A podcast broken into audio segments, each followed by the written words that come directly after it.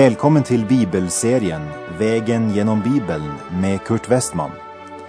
Vi håller nu på med Andra Konungaboken. Slå gärna upp din bibel och följ med. Programmet är producerat av Norea Radio.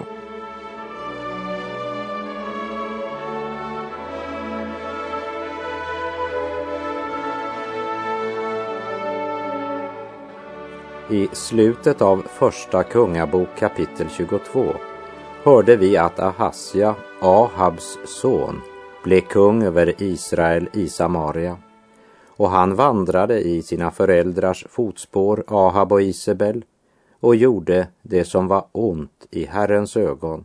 Han tjänade Bal och tillbad honom. Och när vi nu ska börja vår vandring genom Andra Kungabok så kommer vi in just vid den tidpunkten då Ahasja regerar. Så det handlar alltså om en naturlig fortsättning. Ahasjas regeringstid börjar i Första Kungabok och avslutas i Andra Kungabok. Vi läser Andra Kungabok kapitel 1, vers 1 och 2.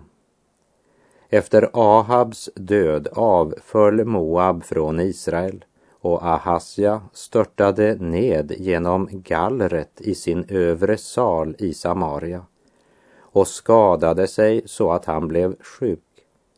Då skickade han iväg sändebud och sade till dem, gå och fråga Bal Sebub, guden i Ekron, om jag ska tillfriskna från denna sjukdom.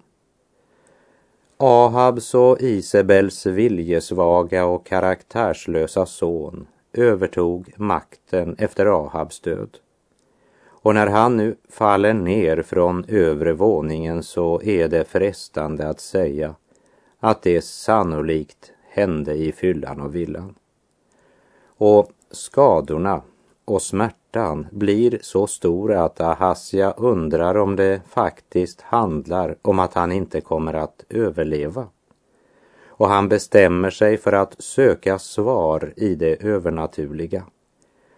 Och det han nu gör visar att han var så starkt påverkad av sina föräldrars hedniska synsätt att han också inför döden väljer att söka hjälp i den dyphöl som han så ivrigt vältrat sig i medan han hade hälsa och krafter. Han hade ingenting lärt av den svåra torkan som drabbat Israel. Han hade intet lärt av elden som föll på Karmel. Och så söker han svaren hos Bal Sebub, flugornas gud, som var centrum för avgudstyrkan i den filisteiska staden Ekron. För att överföra det till vår tid kan vi säga att han valde att läsa veckans horoskop eller att gå till en spåkvinna. Det kan till tider se ut som om människan kan driva gäck med Gud, men så plötsligt, när hon minst av allt hade väntat det, har gränsen nåtts och stunden kommit då människan måste skörda vad hon har sått. Vers 3 och 4. Men Herrens ängel hade talat så till tisbiten Elia, stå upp och gå emot kungens i Samaria sändebud och tala så till dem. Är det därför att det ingen Gud finns i Israel som ni går iväg och frågar Bal Sebub, guden i Ekron? Därför att ni gör detta, säger Herren så du ska inte komma upp ur den säng i vilken du har lagt dig, ty du skall döden dö. Och Elia gick. En Herrens profet är en som bär budskap om frälsning. Men när någon vänt Gud ryggen är budskapet inte härligt. I en tid som flödar av synd och omoral är det inte lätt att vara Herrens trogna tjänare. Det är trots allt till den regerande kungen i Israel som Elia ska gå och säga honom rakt upp i ansiktet du ska dö. Inte bara dö, men döden dö, det vill säga evigt skild från Gud. Och kungens budbärare återvänder till slottet med budskapet. Och då vaknar Ahasja till och han undrar vem som vågar tala på detta sätt. Det liknade ju inte någon av Baals profeter. Och så frågar han, hur såg han ut? Och vi läser vers 8. Det svarade honom, mannen bar en hårmantel och hade en lädergördel om sina höfter. Då sade han, det var tisbiten Elia. Låt mig bara påminna om att Ahasja var son till Isabel, kvinnan som hade försökt att mörda Elia. Och vid det här laget hade man inte sett Elia på cirka fyra år. Och vi kan ana en blandning av hat och fruktan i Ahasias röst när han säger det var tisbiten Elia. Men likt sina föräldrar så ser Ahasja Elia som sin fiende. Och nu bestämmer han sig för att olycksprofetens framfart ska stoppas. Han skapar ju bara oro och ångest som han talar. Och i sin förblindelse ber han inte profeten komma, utan han sänder en kunglig delegation och befaller. Ja, så inbilsk och ett sådant övermod helt till slutet. Vers 9 och 10. Och han sände till honom en underhövitsman med femtio man. Och när denne kom upp till honom där han satt på toppen av berget sade han till honom du gudsman, kungen befaller dig att komma ned. Men Elia svarade och sade till underhövitsmannen Om jag är en gudsman så må eld komma ned från himmelen och förtära dig och dina femtio. Då kom eld ned från himmelen och förtärde honom och hans femtio. Elia var inte bara profet till namnet, men han var en man som levde med Gud och var en trogen Herrens tjänare. Därför passade han inte in varken vid hovet med alla sina kompromissande profetröster eller vid det sedeslösa folklivet. För Elia följde inte med tiden, men med Gud i tiden. Och kyrkans och församlingarnas kompromisser i vår tid har inte fått folket att lyssna till deras budskap tvärtom. Men lägg nu märke till Elia när den stora patrullen utsänd av kung Ahasja kommer. Han flyr inte. Det hade han gjort en gång tidigare efter att han missbrukat Guds kraft till att exponera sig själv i en fantastisk sprinteruppvisning. Men det skulle inte hända igen. För nu hade Elia inte längre blicken varken på sig själv eller på fienden, men på Gud. Och stilla står han och ser hur kungens delegation närmar sig. Men när ledaren för det utsända säger kungen befaller dig, då svarar Elia. Om jag är en gudsman så må eld komma ned från himmelen och förtära dig och dina femtio. Och det sker. Och därmed är hela delegationen borta. Men Ahasja vill inte böja sig för Gud och han tvekar inte inför att offra sina tjänare som tjänat honom så trofast, utan han sänder genast en ny trupp till Elia. Och även officer nummer två tar sig ton. och säger bryskt till Elia att han strax måste komma, det är kungens order. Och även han och hans femtio förtärs av elden från himlen. Elden förtär offret och de hade ingen ställföreträdare. Men vi ska lägga märke till att den tredje officer som kungen sänder, han hade ett annat sinnelag och en annan respekt för Elia, vers 13. Åter sände han iväg en tredje underhövitsman med femtio man. Och denne tredje underhövitsman drog dit upp och när han kom fram föll han ned på sina knän för Elia och bad honom och sade till honom, du gudsman, låt mitt liv och dessa dina femtio tjänares liv vara något värt i dina ögon.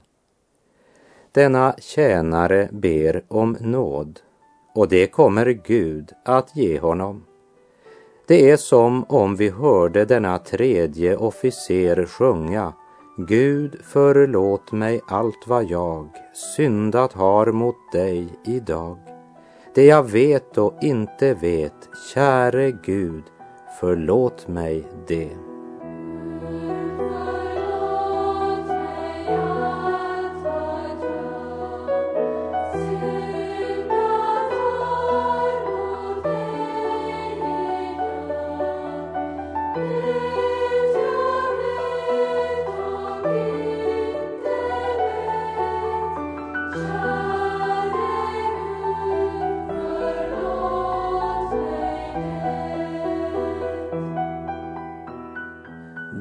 Tredje officer som Ahasja sände ut föll alltså ner inför Elia och ber honom spara både hans eget och även de femtio tjänarnas liv.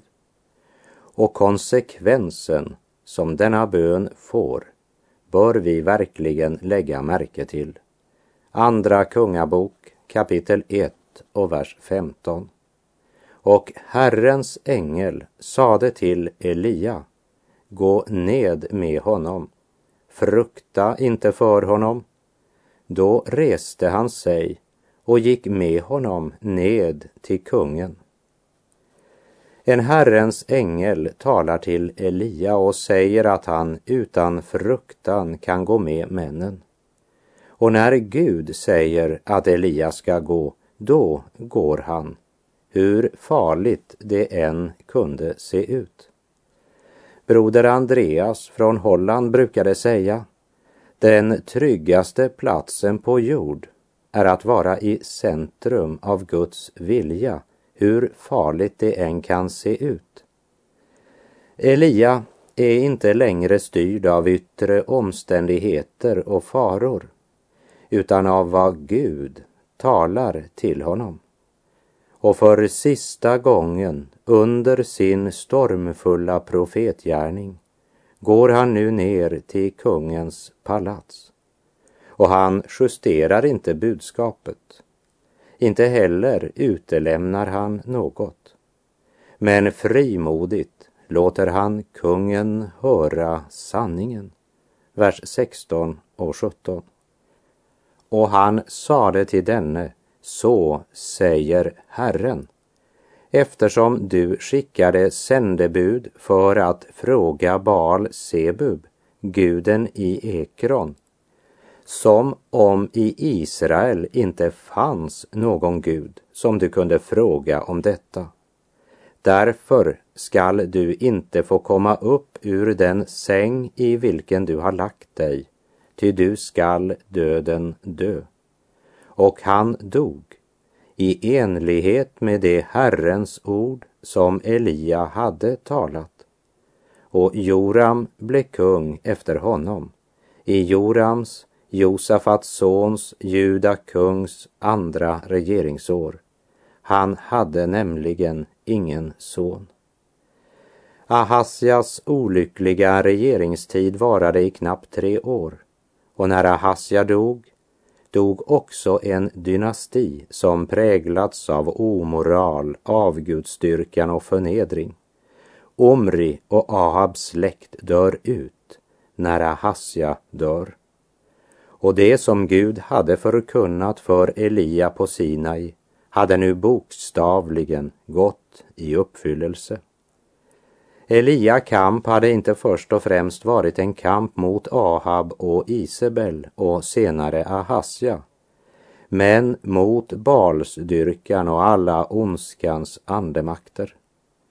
För han visste att det handlade inte bara om onda människor, men om andemakter i himlarymderna, vilket ju också Paulus skriver om till församlingen i Efesus i Efesebrevet 6, vers 10 till och med 12.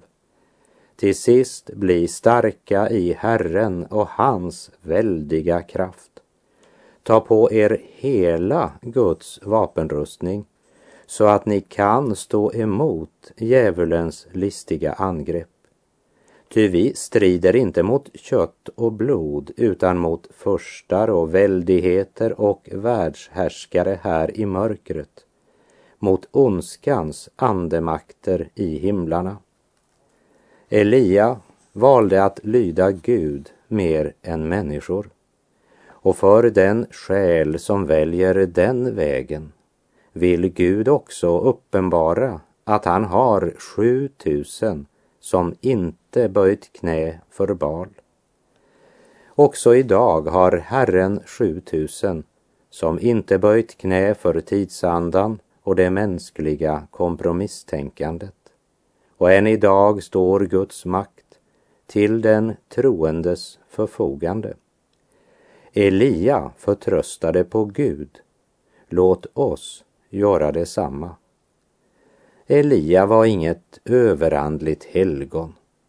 Han var en man som upplevde besvikelser och han hade sina svagheter som de flesta av oss har. Men hans förhållande till Gud var mycket personligt.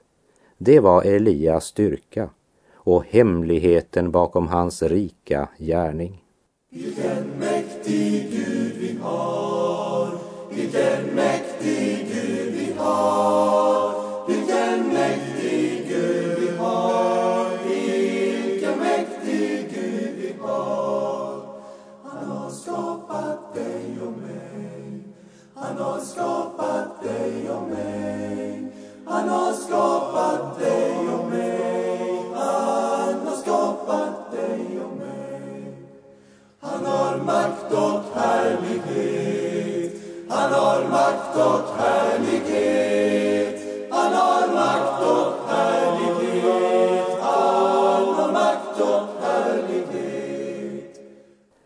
Elia förhållande till Gud var mycket personligt.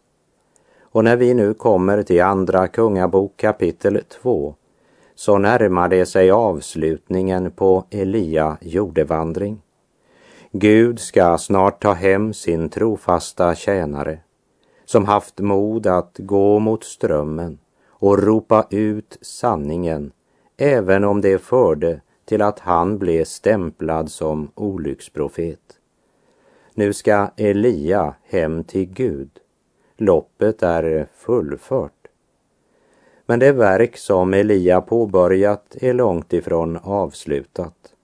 Ändå känner Elia starkt att det närmar sig slutet på hans jordevandring.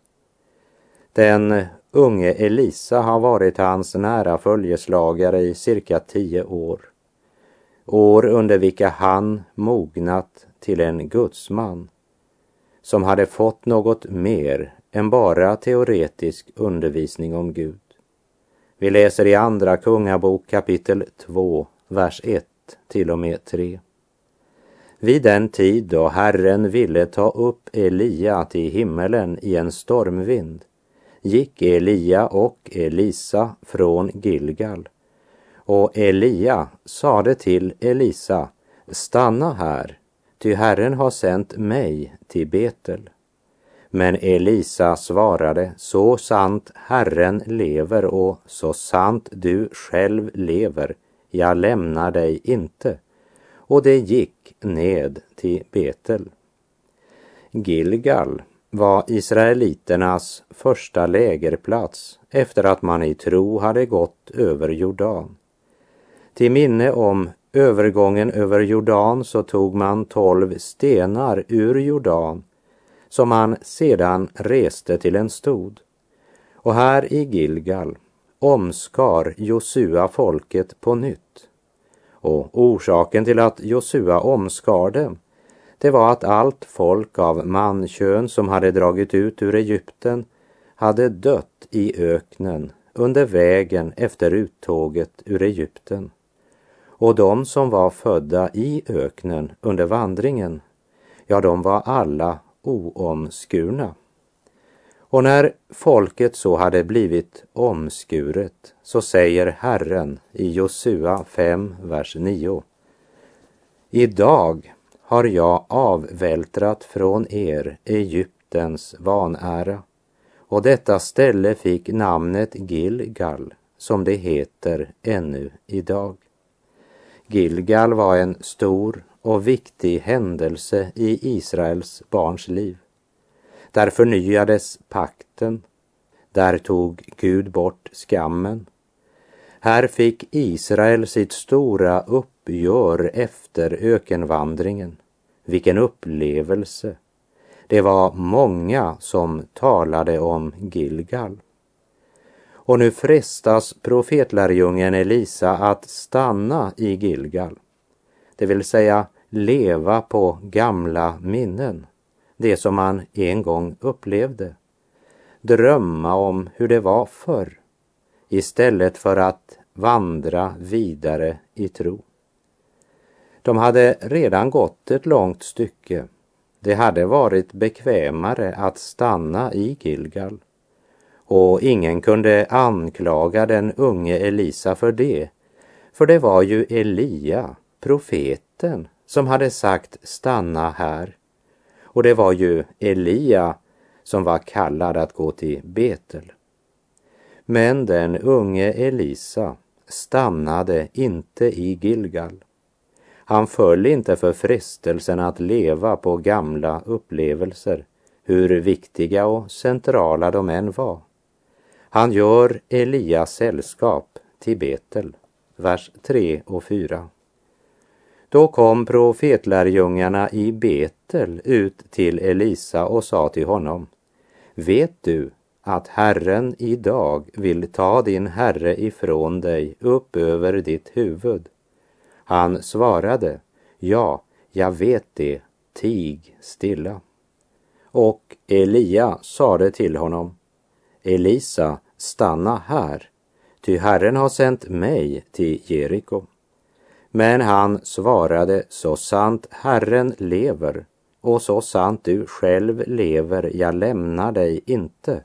Och det kom till Jeriko. Betel betyder Guds hus. Det talar om platsen där Guds folk samlas. Det talar om tillbedjan, om offer och om gemenskap. Här hade Abraham och även Jakob byggt altaren. Efter att ha vandrat vidare från minnet av uppgöret då Gud vid Gilgal avvältrade synden och skammen så kom de till Guds hus, till gemenskapen, till tillbedjan och gudstjänst. Här var det gott att vara. Det kändes så riktigt. Det är säkert här jag ska vara. Och profeten Elia säger att jag ska stanna här.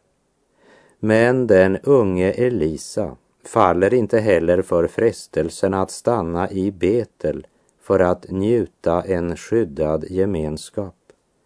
Det är som om han tänkte, inte ens den härligaste atmosfär och gemenskap kan förmå mig att lämna Herrens profet. Jag är ju kallad att vara profet efter Elia och jag måste vara redo att gå dit Gud kallar Elia att gå. Och så kommer de till Jeriko, palmstaden som den också kallades på grund av den rika växtligheten och alla palmträd. Det hebreiska ordet Jeriko betyder välluktens stad. Efter en så lång vandring var det skönt med en paus i Jeriko. Att i det varma klimatet kunna sitta i den svala skuggan och bara slappna av och njuta livet i välluktens stad. Tänk om man hade fått lov att stanna här. Det hade varit bekvämt och Gud vill ju att vi ska ha det gott. Vers 5 och 6. Då gick profetlärjungarna i Jeriko fram till Elisa och sade till honom Vet du att Herren idag vill ta din herre ifrån dig upp över ditt huvud? Han svarade ja, jag vet det, tig stilla. Och Elia sade till honom, stanna här, ty Herren har sänt mig till Jordan. Men han svarade, så sant Herren lever och så sant du själv lever, jag lämnar dig inte och det gick båda sin väg. Välfärd, njutning och bekvämlighet har fångat mer än en som en gång så ivrigt började sin vandring med Gud. Men Elisa låter sig inte frestas att stanna i Jeriko, i palmstadens skugga. Han har nu övervunnit tre stora frestelser och han följer Elia vidare. Han följer därför att Gud hade uppenbarat något för honom och tydligen även för profetlärjungarna. Uppenbarelser är viktiga, men om vi låter oss frestas att stanna i Gilgal, i Betel eller i Jeriko så blir uppenbarelsen oss inte till någon hjälp. Att höra ordet är viktigt, men det är ingen hjälp i det. Om vi så skulle kunna ordet utan till, om vi inte gör som ordet säger. Vi måste bli ordets görare. Det var det Elisa blev. Han följer Elia steg för steg, för han har bestämt sig att ingenting och ingen ska få skilja mig från Elia förrän Gud skiljer oss åt. Gilgal, Betel och Jeriko. Genom dessa tre frestelser har Elisa mognat och vuxit och är nu redo för det som ska ske när vi i nästa program ska följa de båda helt fram till Jordanflodens strand. Och till dess så säger jag på återhörande om du vill. Herren vare med dig. Må hans välsignelse vila över dig. Gud är god.